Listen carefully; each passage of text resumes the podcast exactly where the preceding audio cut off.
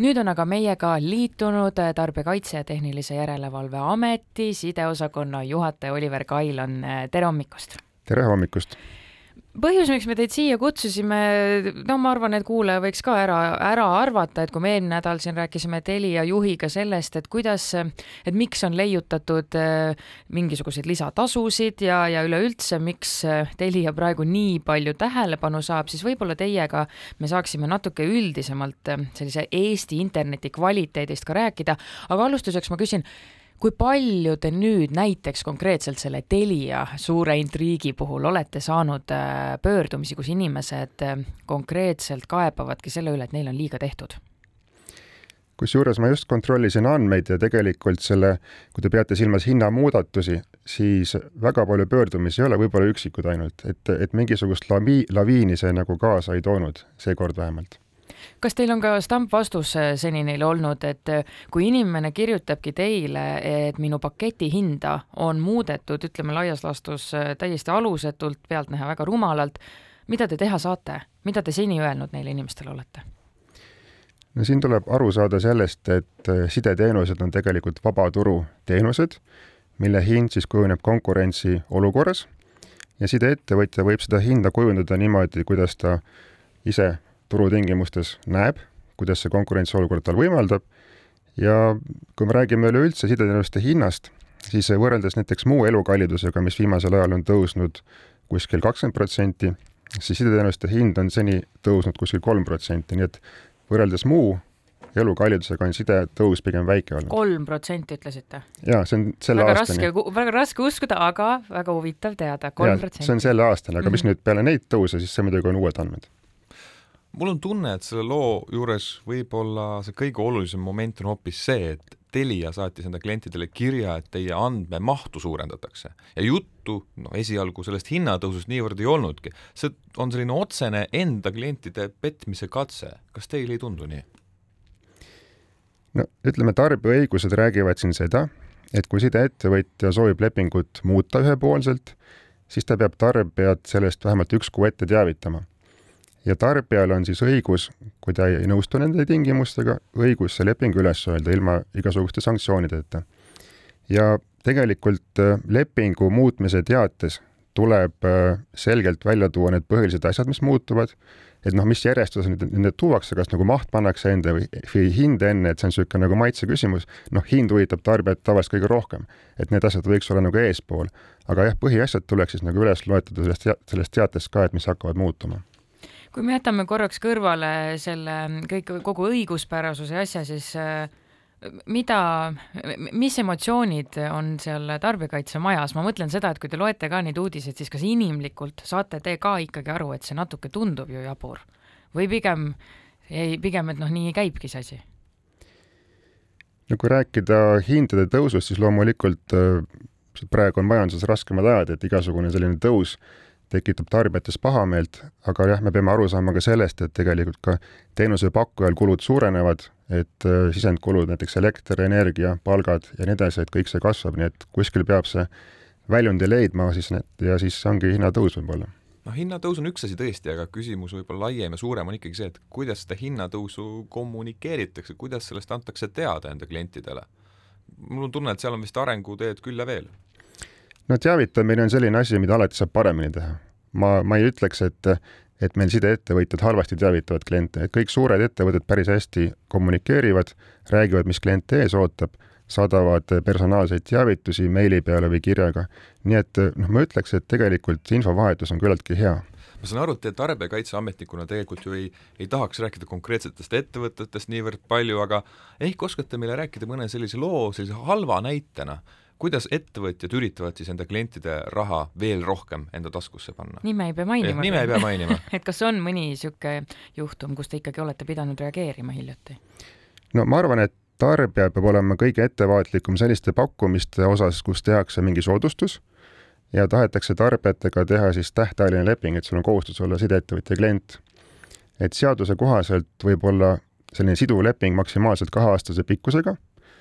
ja, ja sellega klient seob ennast ettevõtte külge, noh, ütleme siis oma kasuna saab ta näiteks kas siis soodsama telefoni või mingisuguse muu seadme või mingi, mingi soodustuse, on ju, aga jah, sellega ta kaotab natukene seda võimalust vabalt ära liikuda, kui nüüd tõesti ettevõtjaga tekib mingisugune probleem. no mis te räägite, need on alati väga head diilid, siis saab ju ta, sageli tasuta telefoni no, saab äh, tõukerattaid, tõukerattaid, kas need on tõesti siis äh, tegelikult tarbijale halvad diilid? No siin on nüüd asjal kaks poolt, et ühelt poolt saab tarbija soodustuse, aga teiselt poolt ta kaotab natuke oma õiguseid, nii et ta peab ise kaaluma tõesti, et noh, kui, kui teil on, tarbijal on kindel veendumus, et et ta kaks aastat on nõus tarbima neid teenuseid, siis miks mitte võtta see soodustus, aga noh, sellega kaotab jällegi teatud õiguseid, jah. Oliver Kailan, korraks läheks võib-olla isegi natuke Telia, võib-olla ka Elisa teemal, teemalt kaugemale. me räägimegi pidevalt Elisa, Telia, sest et noh, igas teises kodus kumbki neist on. aga teie kindlasti teate paremini öelda, et tegelikult meie see turg on ju palju laiem, meil on neid teenusepakkujaid, vähemalt kõhutundelt ütleks, et oluliselt rohkem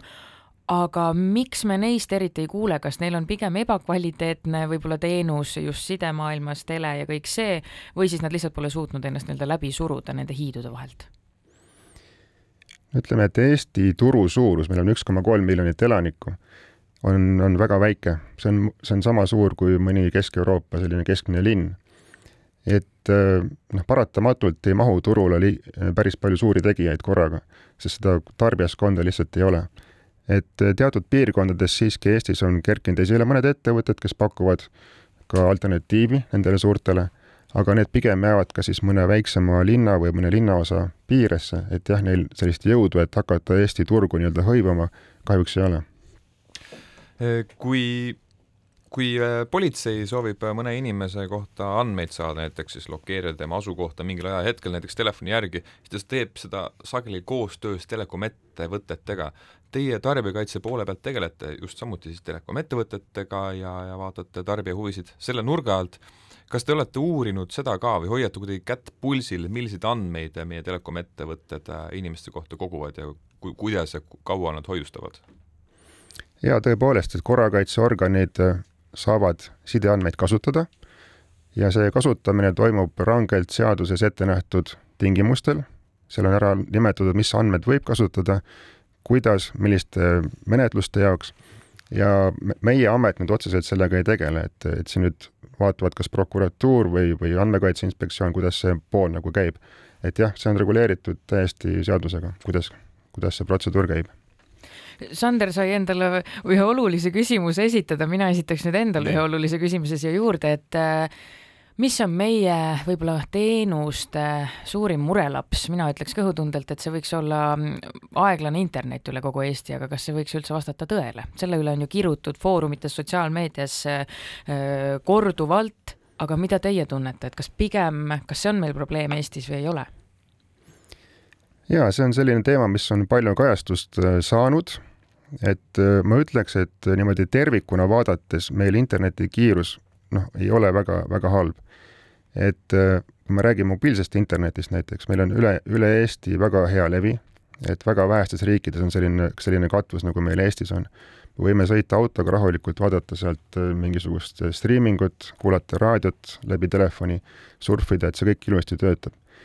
mis on nagu Eesti probleem, on see, et meil on maapiirkondades Äh, jah, tõesti kiire internetiga probleem. aga seal tulebki appi tegelikult riik ja toetab internetivõrkude ehitamist. et see, selline toetamine on käinud juba tegelikult üle viie aasta ja see, tänaseni on ehitatud riigi toega üle viiekümne tuhande aadressi nendele kiire internet, nii et jah, selline interneti kättesaadavus, just kiire interneti kättesaadavus maapiirkondades, et see on niisugune Eesti põhiline probleem. aga seal, kus võrk juba on, seal see kiirus on ka päris hea nii et võib-olla, et meil tegelikult on kõik päris hästi, aga me tahaksime lihtsalt veel paremat kogu aeg. no ikka, ikka, et internet on tähtis ja, ja meie igapäevase elu osa. aga kui mina soovin tõmmata iga päev näiteks kaks filmi alla endale äh, täiesti legaalsel viisil ja tahan seda vaadata näiteks kodus ise, võib-olla koos perega koos ja võib-olla mõned ka arvutimängud alla laadida, no siis mulle sellest internetikiirusest ei piisa ju, siis mul peaks, oleks mõistlikum võib-olla hoopis Lätti kolida, kus on see internet minusugusele kuidagi soodsam no jaa, et äh, jah, et kui võrrelda lihtsalt niimoodi hindasid ja kiiruseid ja panna need kõrvale tabelis, kõrvuti tabelisse, siis vaatame, et ühel pool on, on äh, need numbrid hoopis teistsugused. aga me peame arvestama ka seda, et mis reaalse kvaliteedi me kätte saame, et, et jah, võib-olla reklaamis on jah, see number päris hea, aga tegelikkuses ei pruugi olla sideosakonna juht Oliver Kailan äh, Tarbijakaitse Tehnilise Järelevalve Ametist, suur aitäh teile, et täna meiega interneti ja võib-olla ka erinevate Eesti teenusepakkujate teemal arutlesite. aitäh kutsumast!